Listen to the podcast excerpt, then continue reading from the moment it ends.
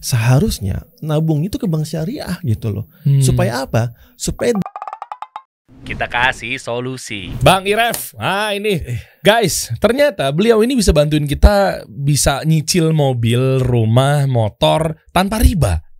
insya Allah. Woi, soalnya biasa gini, stigma dari orang-orang tuh, ya kalau kredit haram, riba haram. Kalau gitu gimana kita mau punya rumah, mau punya mobil, gaji 3 juta per bulan. Buat beli rumah yang 500 juta aja kita harus berapa puluh berapa puluh tahun kita harus punya rumah nih. Tapi ternyata bisa nih. Leasing apa gimana? Langsung ditembak ya. Langsung aja. Langsung ditembak ya. direct, nih kayaknya pertanyaannya ya. Coba kita lihat ya, Lariba Consulting, konsultan bisnis, keuangan syariah, marketing agent kredit syariah, kredit. Kalau orang awam kan dengerin kata kredit kan langsung kredit, oh berarti jangan-jangan ada ribanya, nih. Iya. Iya kan? Hmm. Nah, eh, macam-macam lah. Sebenarnya akad-akad yang bener tuh cara beli kredit tuh kayak gimana? Oke. Yang tentunya ini udah di bawah pengawasan Ustadz Ervandoni kan? Ya betul. Kita punya DPS uh, Ustadz Irfan Doni Tarmizi. Eh, adiknya Ustadz Erwandi Tarmizi kan? Iya betul. Nah, insya Allah sih aman nih. Makanya tapi banyak teman-teman yang nggak ngerti juga. Ternyata sekarang bisa beli mobil hanya menggunakan kredit bisa ya. Insya Allah. Insya Allah ada Insya kooperasinya juga. Nah ini banyak yang belum paham nih. Coba, tapi kita tarik mundur dulu aja. Oke. Dari awal Siap. kan antum ini kan alumni bank. Iya betul. Banknya bank syariah lagi. Kemarin belum lama ex Bank Indonesia mampir Pak Chandra. Oh gitu. Di sini juga? Ini di sini oke, juga. Mantap. Nah sekarang antum lagi. Nggak tahu kenapa sekarang belakangan ini lagi bahas tentang perekonomian lah intinya. Waduh. Iya. Ya kan Seru tuh. di bank berapa? Berapa kali di bank? Eh, dua sih dua. Bank syariah Bank yang syariah. eh, Iya. yang yang ngetop banget yang katanya syariah tapi ternyata akadnya belum syari ya. Eh, Udah. ya itu kan beda pendapat ya. Asik. Ya, beda pendapat. Jadi kita serahkan ke masing-masing aja ya.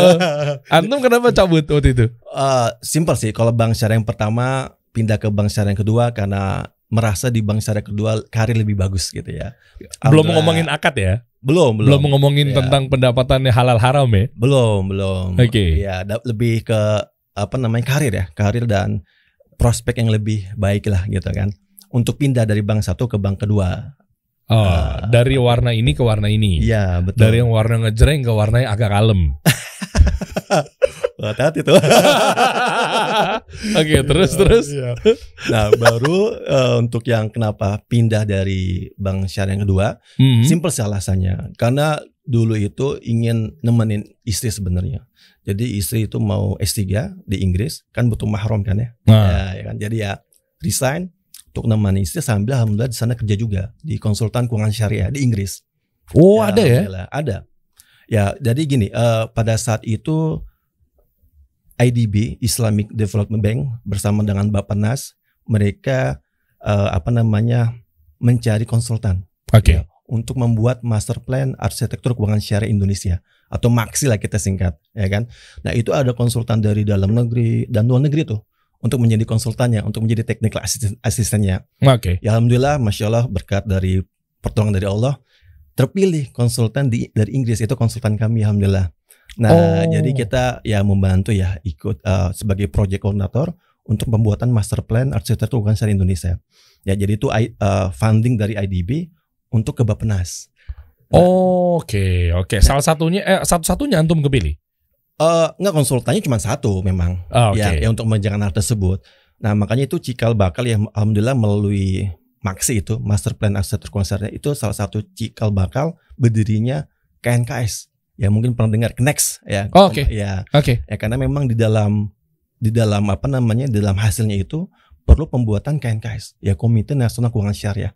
Kalau sekarang kan ditambahkan ekonominya jadi Komite Nasional Keuangan dan Ekonomi Syariah Knex ya. Hmm. Itu cikal bakalnya alhamdulillah. Jadi melalui master plan tersebut ya. Hmm. Karena memang perlu, memang perlu supaya industri keuangan syariah ini lebih berkembang dan lebih banyak merasakan. Oh, oke. Hmm. Oke, ini menarik nih. Di sana itu secara akad gimana? Secara akad untuk dia retail kan pasti kan? Retail apa Di B2B nih? Inggris ya. Ah, yang di Iya. Inggris.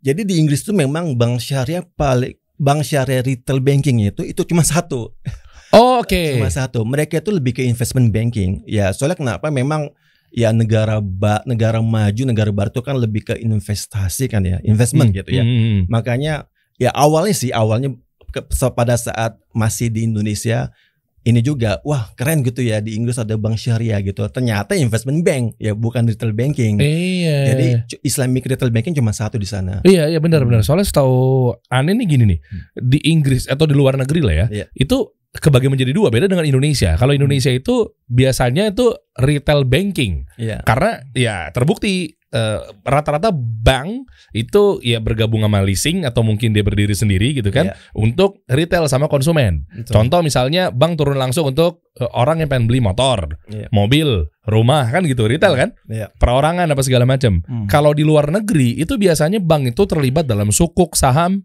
Iya. Atau mungkin dia venture capital atau mungkin dia ya mungkin investment lah. Iya. Ya kan makanya tadi di Inggris tuh nggak heran dia cuma satu kan. Retail bankingnya betul satu. Soalnya Iya. memang eh, tadi betul yang tadi antum sampaikan. Jadi mereka itu mendapatkan dana besar dari Timur Tengah. Oke. Ya, jadi ini dana Timur Tengah ini kan mencari tempat investasi yang menguntungkan, Hmm. yang aman gitu ya, dan Oke. sesuai syari syari ya bagi mereka gitu ya, Uh-huh. quote unquote ya. Huh? Jadi ya ini kan potensi. Jadi gini, kalau menurut pengamatan saya pribadi, industri keuangan konvensional di Inggris itu kan sudah sudah taraf jenuh. Hmm. Ya, artinya untuk growth, untuk berkembang itu sepertinya ruangnya sudah sedikit gitu kan. Hmm. Ya, artinya untuk berkembang lagi nih industri keuangan secara umum, ya harus diambil cara-cara yang lain. Apa itu cara lain? Syariahnya Hmm. supaya masuk investor. Nah makanya banyak loh, banyak sekali investor dari Timur Tengah itu invest ke Inggris. Ya makanya sangat disayangkan. Seharusnya kan yang lebih layak gitu ya, lebih iya. pantas ya seharusnya ya Ah. secara eh, secara umum gitu ya. Seharusnya kan Indonesia. Ya soalnya kan ya Indonesia kan populasi Muslim terbesar di di dunia gitu. ya. Iya. Nah tapi ya faktanya di sana gitu. Ya mungkin karena di sini yang ngurusin retail bank-banknya juga belum syari paling. Makanya mungkin Timur Tengah juga nggak nggak Eh, masuk ke situ nggak juga. Tapi di iya. luar juga ternyata di Inggris pun juga terlepas dari dia retail apa ya investment kan. Iya. Tapi mungkin akadnya juga belum syari juga kan. eh, jadi kalau syari ini kan memang tergantung sudut pandangnya siapa yang menilai kan ya. Oke, sudut pandang secara agama deh. Eh, jadi gua nggak bahas sudut pandang berdasarkan organisasi atau mungkin ya kelompok-kelompok lah atau Eh. mungkin lembaga-lembaga syariah. Kita Iya. ngomong dari sudut pandang agama.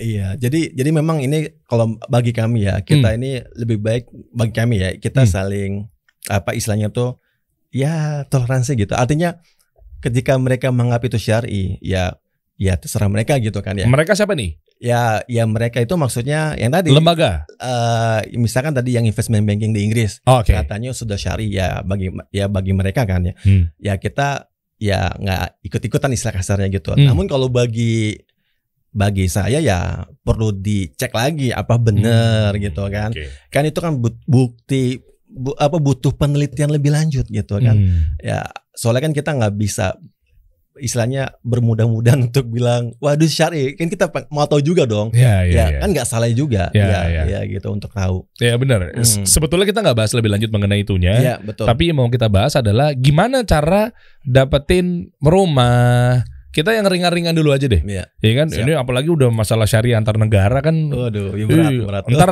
dubes Indonesia untuk Inggris datang ke sini lagi nih. Oh, bener-bener. Hah? Nanti Atau Prime- MUI Majelis Ulama Inggris datang Iya. kemari lagi ntar nih. Atau prime minister ke sini bisa repot. Ah, repot. Iya kan? Iya. Mereka pansos sama kasih solusi kan repot. Kebalik. Kebalik. mereka lagi sibuk sama Ukraina padahal. nah, makanya kita bahasnya gini dulu deh. Hmm. Eh, sebenarnya kalau kondisi di kita nih, kita mau eh, ngambil motor, mau Iya. beli mobil, rumah, kan ujung-ujungnya kan biasanya kebentur sama lembaga keuangan syariah. Iya gak sih? Iya. Iya kan? Kita sebutnya itulah. Apa sih biasanya disebutnya? LKS. LKS kan, bener kan? LKS. Iya kan? Lembaga keuangan syariah. Betul. Entah itu leasing, entah itu bank.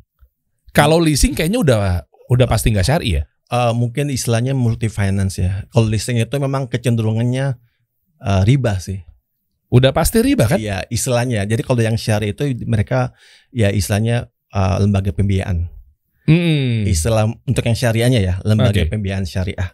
Kalau konvensional namanya namanya leasing memang. Ah, itu Jadi, maksudnya. Gitu dong. Saya nungguin Anda tegas di situ. Saya udah pancing-pancing. Nih, saya aja berani langsung bilang leasing pasti sa- riba gitu misalnya kan. Iya, Itu jelas itu tulisnya emang riba. Iya dong. Karena itu konvensional jelas riba. Iya kan? Nah makanya ada solusi-solusi kayak semacam lariba dan lain-lainnya. Iya. Nah, gimana sih sebenarnya proses-proses yang yang yang terjadi untuk saat ini? Yang Iya. jadi masalah dan celakanya itu gimana sih? Oke, mungkin kalau boleh kita jelaskan dulu ya apa sih lariba. Kenapa lariba itu harus hadir gitu Eh, ya oke, di, di boleh. tengah-tengah masyarakat. Ya. Heeh. Jadi memang kita ini lariba consulting kita ini berdiri 2018. Mm-mm. ya 2018. Nah ini berdiri ini eh, awalnya memang kita sudah mendeklar bahwa kita ini konsultan dan bisnis keuangan syariah ya makanya di 2018 2018 ini kita lebih fokus ke consulting dan pelatihan ya. Nah namun sambil berjalannya jalan berjalannya waktu eh, banyak yang nanya tentang gimana praktek perbankan syariah sekarang gitu kan ya. Oke. Nah, eh, memang sekali lagi ini kan ada perbedaan pendapat ya kita ya saling logo aja gitu ya. Ada yang mengatakan itu memang sudah oke, ada yang mengatakan perlu perbaikan. Nah, kamu namun kami di posisi yang perlu diperbaiki gitu. Ada hal yang harus diperbaiki supaya bisa lebih baik gitu kan. Mm-mm. Nah, namun eh, ketika 2018 kita cuma bisa mengatakan wah ya jangan deh gitu ya. Cuman cuma bilang sekedar jangan aja, tapi kan pada akhirnya mereka butuh butuh solusi kan. Mereka tuh siapa? Ya masyarakat Oke. Ya. jangan artinya jangan bilang nggak boleh aja gitu loh, tapi mana solusinya? Kasih solusi dong. Ah, ya, ya. kan gitu Iya, kan. iya. Oh jangan bilang bahwa kayak oh ini ini kredit, ini Ah. ini riba apa segala Iya. macam. Terus solusinya mana nih? Kasih solusi pada kami agar kami bisa punya motor buat Bet- dagang. Betul. Iya kan? Nah, betul. Nah, itu bener-bener kita dari 2018 kita wah ini betul juga nih. Kita harus kasih solusi nih. Loh, emang- Iya, iya, kan? Emang pada saat itu nggak ada kredit Ya, syariah? kita belum atau- kepikiran masalahnya. Kan Koperasi koperasi syariah masa nggak ada? Ah, enggak, awalnya kan kita fokusnya emang training kan, pelatihan apa namanya consulting dan training. Apa gitu sih kan. eh, yang training apa?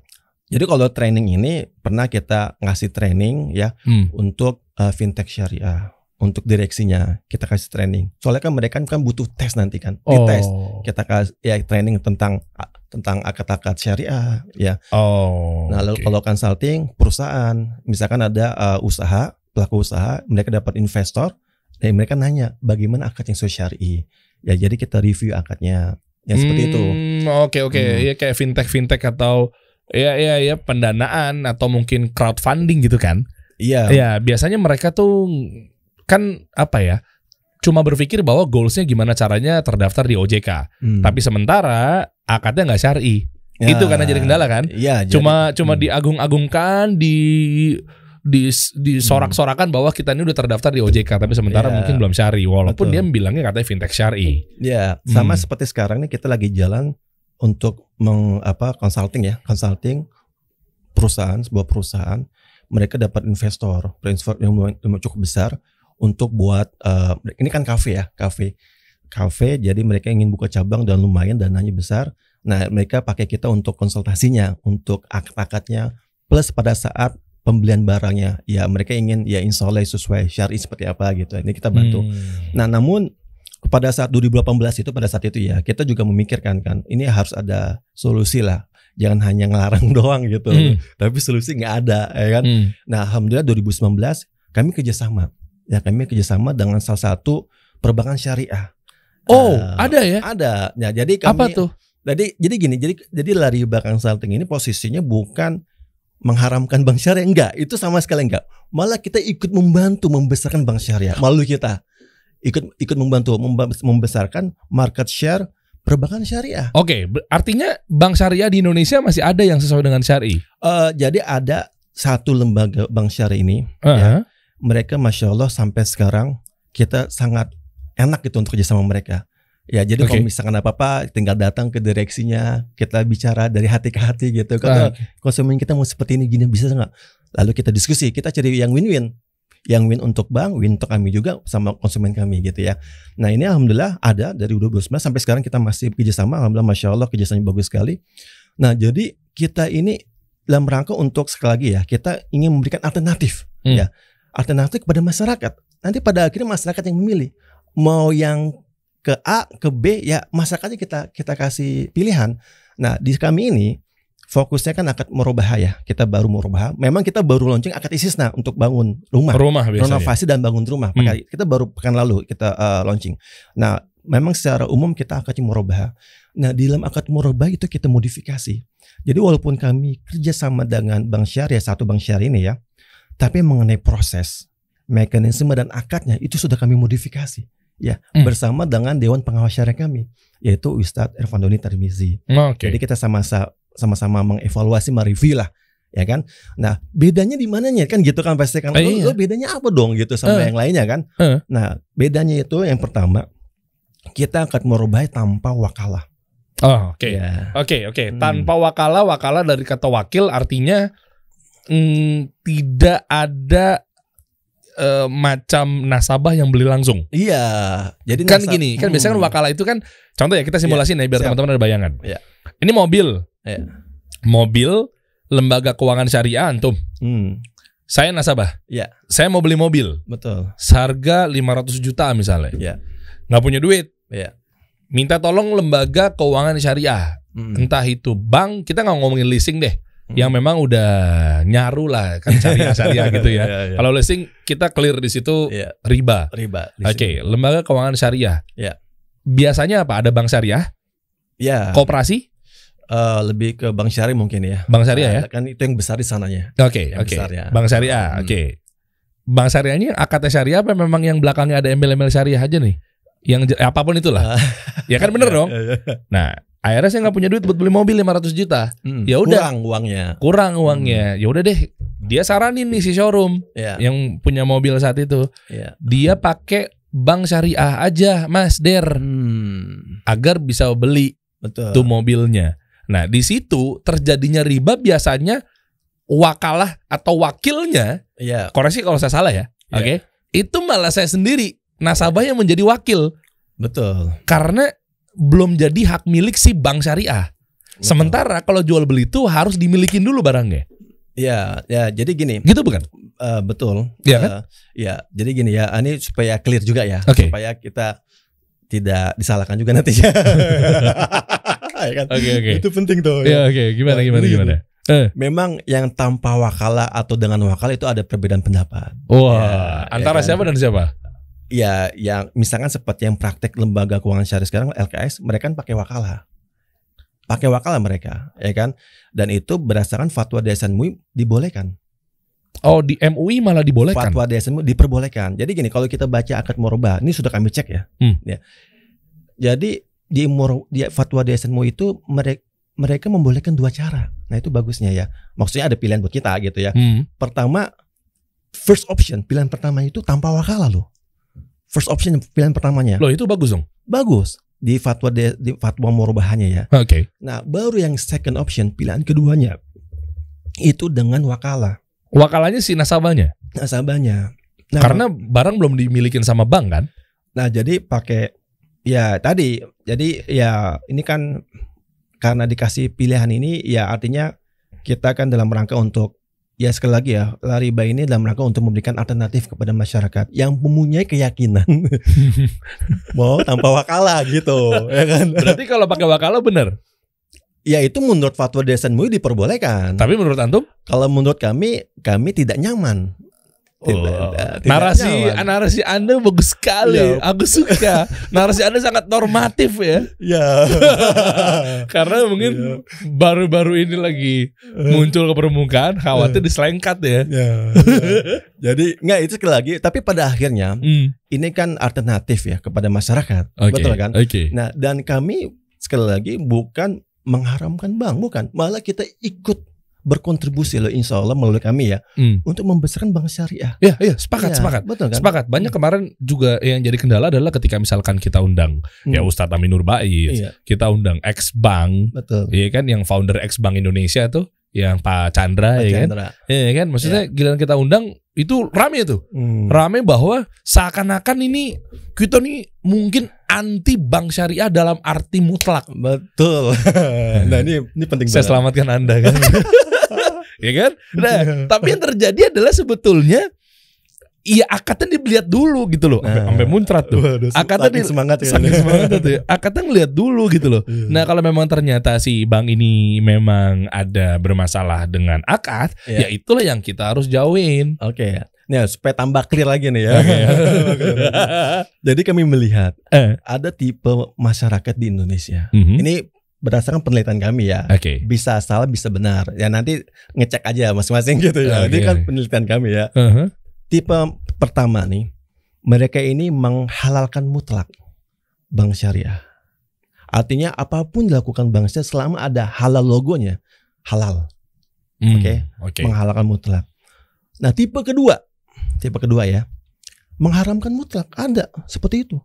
Kami melihat seperti itu di masyarakat itu mereka mengharamkan bank secara mutlak gitu. Karena ada embel-embel nama bank, otomatis sudah alergi bahwa ini adalah Iya. haram. Udah pasti. Jadi mereka ini ya itu juga dan juga mereka punya ini juga ya punya pandangan kenapa bank syariah itu haram bagi mereka ya. Hmm? Karena Bank Indonesia ini belum sesuai syariah. Artinya ujung-ujungnya negara kita ini belum syariah, katanya gitu, neg- belum negara negara khalifah, negara Islam gitu ya, negara syariah. Nah ini ada seperti itu di masyarakat kami melihat seperti itu. Sementara kita kan negeri muslim. Nah itu makanya aneh. Tap- Namun yang jadi anehnya nih, yang anehnya pada saat mereka mengharamkan bank syariah, anehnya mereka ujung ujung-ujungnya pakai bank konvensional. Kan Karena aneh. dianggap sama pasti. dianggap sama. Oh iya, Iya, udah nah. tahu. Padahal kan jelas pada saat kita pakai bank konvensional, berarti kan tahun. Tolong menolong dalam praktek ribanya. Hmm. Ya riba seharusnya itu. Ya seharusnya kalau misalkan memang mereka mengatakan seperti itu ya, seharusnya pakai jangan pakai bank konvensional dong. Pakai Hmm. bank syariah gitu. Hmm. Ya ini sama juga bohong gitu kan. Ya. Tolong menolong mereka pada akhirnya Iya, untuk iya. praktek riba mereka. Ya cuma mungkin mereka menganggapnya bahwa ya memang nggak ada bank syariah ya. ya Iya. udah sama aja gue pakai bank konvensional aja. Betul. Orang sama aja kok gitu kan. Nah, mereka mengharapkan mutlak tuh. Nah, ada tipe ketiga dan ini posisi kami tipe ketiga ini. Apa tuh posisi eh, tipe ketiga ini? Jadi masyarakat yang tidak mengharamkan mutlak bank syariah, tapi juga tidak menghalalkan mutlak juga. Ya. Sebentar, ini takutnya labil nih. Alhamdulillah. Eh, bu- nggak saya nanya, kan saya coba untuk mewakili konsumen dan Siap. audiens kan. Iya. Eh, eh, maksudnya ke mana arahnya jadinya? Nah, jadi kita lihat dulu prakteknya seperti apa. Akadnya kita lihat dulu. Apakah akadnya memang sudah sesuai atau belum gitu. Sebenarnya, eh, sebenarnya ya hal yang seperti ini sebenarnya nggak ada masalah. Kenapa? Karena dulu itu ada bank syariah, ya tapi sekarang sudah nggak ada karena sudah merger kan. Ada bank syariah Mhm. yang melakukan yang seperti kami lakukan sekarang. Dari tiga bank itu Ada salah satunya. kan tiga bank merger kan, Heeh. ya kan? Ada salah satunya Eh, yang enggak, i- Hmm. i- kita sebut aja kan jadi BSI sekarang. ya Bank Syariah Mandiri, mm, Bank BNI Syariah, BNI Syariah, BRI Syariah. BRI Syariah. Walaupun itu kalau dilihat sih sebenarnya sih ya benderanya mah bendera BSM ya. Uh, untuk untuk yang basis sekarang ya. Iya Ya, dong. se- seperti katanya sih gitu, katanya seperti itu ya. Walau misawab ya. Katanya seperti itu. Perlu kita cek lagi tuh ya. ya. Nah, jadi Kok Anda ketawa? Saya kan cuma mancing. Menurut saya itu BSM banget benderanya menurut saya. Ya mungkin ya Iya. makanya perlu dicek kan itu. Ya, makanya bisa jadi saya salah kan. Nah, eh, oke lanjut. Nah, jadi yang kita praktekkan sekarang ini sebenarnya sudah dipraktek oleh Bank Syariah sebelumnya. Itu ini sebut merek nggak apa-apa ya. Mhm. BNI Syariah Oh, BNI Syariah udah melakukan ya? sudah melakukan Berarti kita- BNI yang- Syariah tuh nggak ri- nggak riba dan nggak haram. untuk merobahannya ya sekali lagi untuk merobahannya ya Oh. kalau yang lainnya kan perlu dicek lagi makanya di sini kan posisi kita tidak mengharamkan mutlak Hmm. tapi tidak menghalalkan mutlak juga Loh, Kita kenapa cek nggak? lagi Oke, kenapa nggak dari tiga bank yang merger itu? Kenapa nggak langsung pakai benderanya pakai BNI Syariah yang memang ternyata para mungkin apa nih? Ini bisa mewakili as- asatiza kita nggak berani nggak? Nggak. oh jangan Jangan ya, jangan ya. bahaya Iya ya, oke. Menurut lembaga syariah yang udah belajar lama di Inggris, Hmm. antum misalnya dari tiga dari tiga merger bank ini jadi melebur jadi satu kan namanya BSI, Bank Syariah Indonesia. Oke, dari tiga, tiga bank ini kan kalau memang ternyata antum melihat BNI Syariah itu yang memang lebih kapabil kapabilitasnya oke secara syariah, kenapa pemerintah kita nggak langsung eh, tunjuk bahwa ini pakai bendera BNI Syariah aja? Eh, walau misal ya itu Hmm. pemerintah yang bisa menjawab itu Oh ya, oke. Kementerian Apa ap- BUMN. apa pun keputusan pemerintah Hmm. kita manut dan kita taat. betul Sami'na wa atona Iya betul kan kita harus taat sama pemerintah kan Oh iya Ya, dong, sama ulil ya, amri kita harus betul iya, wajib harus hukumnya Enggak, cuma ini Hmm. lebih kepada bukan keresahan tapi lebih kepada edukasinya. Edukasi. Saya Hmm. pengen tahu Hmm. kenapa mungkin lebih memilih BSM yang dijadikan tolak ukur ketimbang BNI Syariah. oke A- Awamnya saya Hmm, begitu gitu. baik. Eh, kalau menurut saya itu kan sah-sah aja ya kalau misalkan memang mungkin ya kalau memang betul ya memang itu lebih ke BSM ya mungkin ya One Hmm. Wajar aja sih kenapa wajar memang saham terbesar kan BSM dari tiga ini tiga ini ya Mhm. bahkan dua ini digabung BNI Share sama BRI Share digabung sahamnya tetap BSM lebih besar Oh dominatif ya? Iya. Oh, oke. Jadi dominan dia wajar-wajar aja kan. Hmm. Kan yang namanya apa megang saham ya pada akhirnya siapa sih paling banyak kan Iya, gitu kan, sahamnya kan. Nah, Oke. sebenarnya yang paling penting sih menurut saya bukan itunya sih ya. Tapi yang penting adalah se- sebaiknya itu Bank Syariah memberikan alternatif kepada masyarakat yang masih merasa kurang nyaman. Itu yang paling penting. Jadi pada akhirnya nanti masyarakat yang memilih ya, Hmm. memilih A, B, C kan pada akhirnya yang diuntungkan siapa? Bank Syariah, Iya, betul nggak? Misalkan seperti tadi yang antum sampaikan BSI misalkan, wah BSI ini mau kasih eh, apa namanya mekanisme yang A gitu ya, Hmm. yang B, yang C, ya sebenarnya kan sah-sah aja kan. Ya. Siapa yang diuntungkan pada akhirnya? Ya bank juga bank syariah. Hmm. Nah, Apalagi nih, apalagi yang nanya bank syariah itu memang seharusnya ya bisa bisa apa namanya masyarakat merasakan manfaat bank syariah semua lapisan masyarakat ya Hmm. ya kan itu jadi kan itu kan bisnis pada akhirnya makanya balik ya ke bank syariah rekanan kami ini mereka itu melihat bisnis di situ jadi mereka wah ini ada potensi bisnis ada apa masyarakat sebagai masyarakat yang masih kurang nyaman dengan praktek sekarang jadi perlu di ya diperbaiki lah gitu ya di, diperbaiki nah makanya tadi kami tanpa wakala itu yang Hmm. pertama Hmm. nah yang kedua perbedaannya kami juga tanpa denda keterlambatan jika kodrolot telat bayar. Hmm. Tapi bukan berarti disengaja juga. Kalau Oh. sengaja kan zolim berarti kan. Iya, zolim. Iya, soalnya ada juga tuh mas, ada sebagian ya kecil masyarakat kita nggak mau dizolimi, Hmm. tapi dia menzolimi orang. Oh, iya, iya, iya, iya. Sama bohong kan? Iya, iya, bener. Iya, iya. Itu yang kedua tuh. Nah, yang kedua. Terus yang Nah, ketiga, yang ketiga, Aha. kita tanpa asuransi. Walaupun asuransi syariah. Nah, ini sekali lagi perbedaan pendapat lagi kan ya. Hmm. Ada yang membulat atau enggak. Ya ini kita saling saling berlapang dada aja gitu ya. ya kan berlapang dada saling Iya. toleransi. Ya artinya masyarakat pada akhirnya yang memilih gitu loh. Ya kan? Ya kan sah-sah aja kan. Iya, iya, iya. Tapi kan dengan adanya Anda bersama bank syariah yang betul-betul syariah dalam tanda kutip, bukannya jadinya masyarakat jadi jangan bebas memilih ya. Kalau memang bebas memilih, ujung-ujungnya malah merajalela dong ribawi ini. Kan dengan adanya antum sama bank syariah yang memang terwakilkan, itu harusnya kan bukan mengedukasi bahwa nih hati-hati loh bahayanya riba. Eh, soalnya gini, kan pada akhirnya eh, LKS sekarang ini kan fatwa eh, ketika prakteknya itu berdasarkan fatwa DSN MUI Oke. gitu. Dan fatwa DSN membolehkan masalahnya. Oh, oke. Nah, makanya kita kan nggak bisa juga seperti itu kan. Mhm. Nah, makanya semangat kami ya, semangat kami di Lari Consulting, kita ingin sama-sama berkontribusi ya Hmm. untuk mengembangkan bank syariah ini, market share-nya. Karena market share-nya itu masih sedikit, 6% kalau nggak 6% salah. lebih. Hmm. Nah, artinya apa? Artinya apa? Berarti ya anggap aja 6% ke 7% gitu ya, nggak Hmm. supaya 7% lah, itu 7% udah bagus banget itu ya. Oke. Artinya apa? 93% berarti kan konvensional, Iya. riba. Oke. Bang riba kan? Ya enggak. Nah, artinya apa? Nah, mas- mayoritas masyarakat kita masih pakai riba. Iya. Itu kan itu itu kesimpulan sederhananya seperti itu ya. Iya, iya, Nah, iya. analogi sederhananya. Nah, makanya sebenarnya kami ya saling berkontribusi gitu. Berkontribusi untuk apa? Untuk membesarkan market share ini. Oke, Gitu. nangkap nangkap gini. Coba mungkin nanti eh, aneh berangkat dari ini dulu nih bang. Kenapa market kita di Indonesia, kenapa masih pada mayoritasnya pakai menggunakan praktek riba? Iya. Bahkan 93 persen, let's say. Iya. Ya kan ketimbang ya memang eh, ya secara syariah gitu ya. Hmm. Nah, karena karena mungkin satu edukasi belum nyampe. Iya. Dan yang kedua, stigmanya yang ada, stigma lo ya. Mereka menganggap bank syariah atau lembaga keuangan syariah ngambil untungnya gede. Hmm. Stigmanya begitu. Oke. Iya, biasanya begitu. Nah ini coba tolong antum bantulah para nasabah kita, para Hmm. konsumen gitu kan yang memang bank-bank syariah atau lembaga keuangan syariah yang sangat peduli atau bermain di ranah retail dalam berbisnisnya. Iya. Yaitu langsung ke nasabah apa segala macam. Hmm. Rata-rata begitu. Kenapa lu nggak pakai syariah? Satu pasti edukasi. Oh, gua nggak tahu. Gue pikir ini syariah. Satu, itu ada tuh kayak gitu tuh. Oke. Ya kan rata-rata yang paling banyak menurut penelitian saya datanya begitu. Iya. Ya, saya coba belajar karena gini, Bang. Aneh jujur sempat mau bangun koperasi.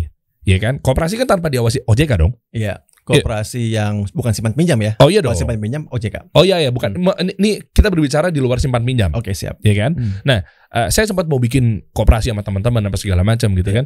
Pelajari lebih dalam lah, ya walaupun memang belum terrealisasi gitu. ya. Baik. Intinya kayak gitu. Yang pertama tuh rata-rata data yang saya riset itu mencerminkan bahwa mereka itu belum teredukasi dengan adanya eh, syariah yang benar. Ya. Dan yang kedua adalah image syariah itu mahal.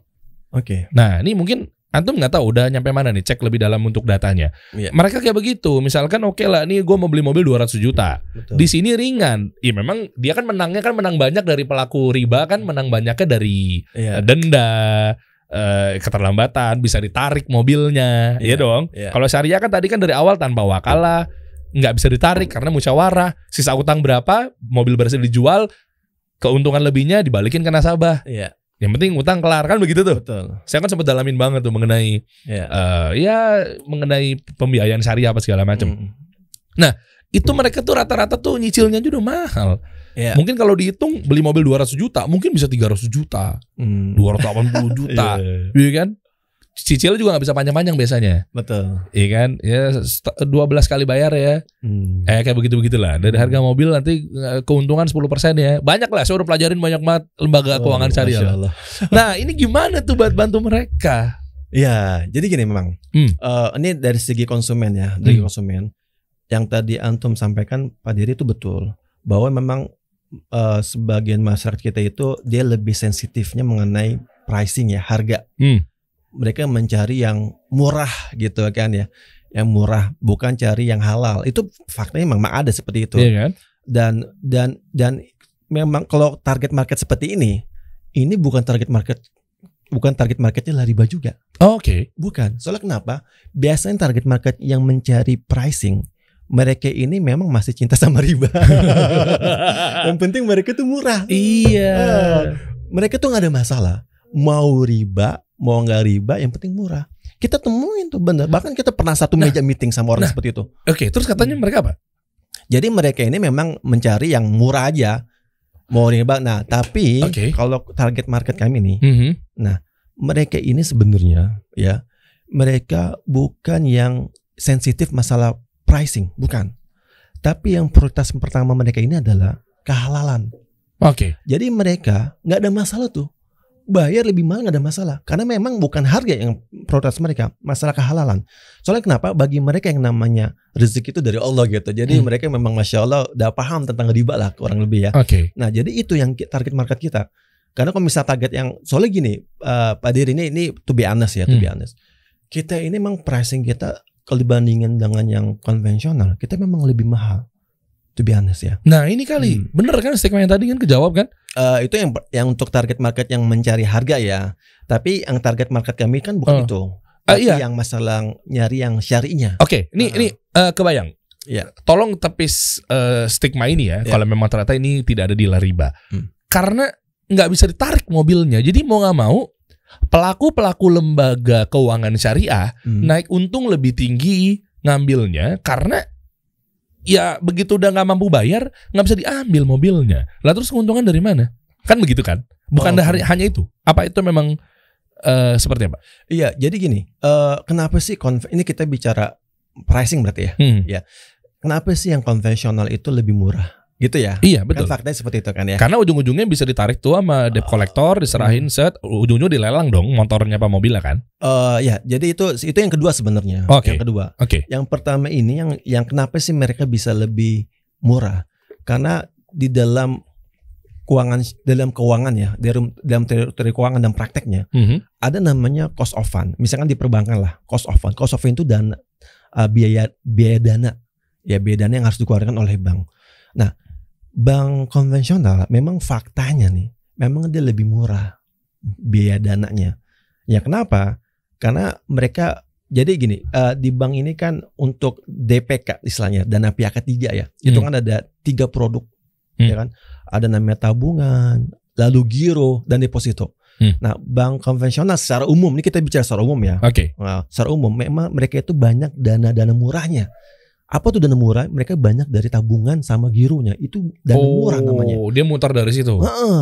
Oke. Akibatnya ke- mereka mereka ngelempar kreditnya murah gitu loh. Hmm. Nah, sedangkan kalau di syariah ya kita bicara bank syariah ya fokusnya ya bank syariah memang kecenderungannya secara umum ya sekali lagi ini secara umum memang cost of fund-nya atau biaya dana itu memang lebih mahal Hmm. ya akibatnya memang lemparnya jadi lebih mahal ya itu itu sih alasannya jadi ya sebenarnya ya itu makanya masyarakat sebenarnya apalagi masyarakat muslim ya seharusnya nabung itu ke bank syariah gitu loh Hmm. supaya apa supaya dana-dana murah di bank syariah semakin banyak ini kebuka akhirnya. Saya gali ternyata Anda Eh. keluarkan juga. Ini ternyata problemnya. Karena mereka menganggapnya stigma di luar sana, kenapa beli handphone, mobil, motor Hmm. itu jadi lebih mahal kalau kita kredit sama secara syariah. Ah nih syariah kok kenapa lebih mahal ya ngambil untungnya? Kenapa sih begini begini begini stigmanya kan begitu. Iya. Nah ternyata gara-gara mereka berpikir selama ini Hmm. karena mobilnya nggak bisa ditarik, jadi dia nggak ada keuntungan lain selain kita ngambil margin yang lebih tinggi. oh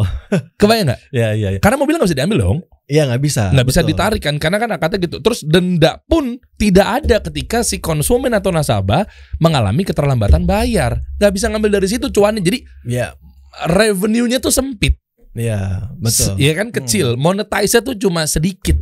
Ya ya Gitu menurut saya. betul Dan para teman-teman maksudnya. Hmm. Nah, ternyata masalah cost of fund deh. cost of fund Nice. penting cost of Oke. fund itu penting di di perbankan Hmm. makanya sekarang perbankan konvensional maupun yang syariah mereka berlomba-lomba untuk membesarkan tabungan mereka dan gironya kenapa karena itu dana-dana murah ya bukan Murahnya di- dari mana?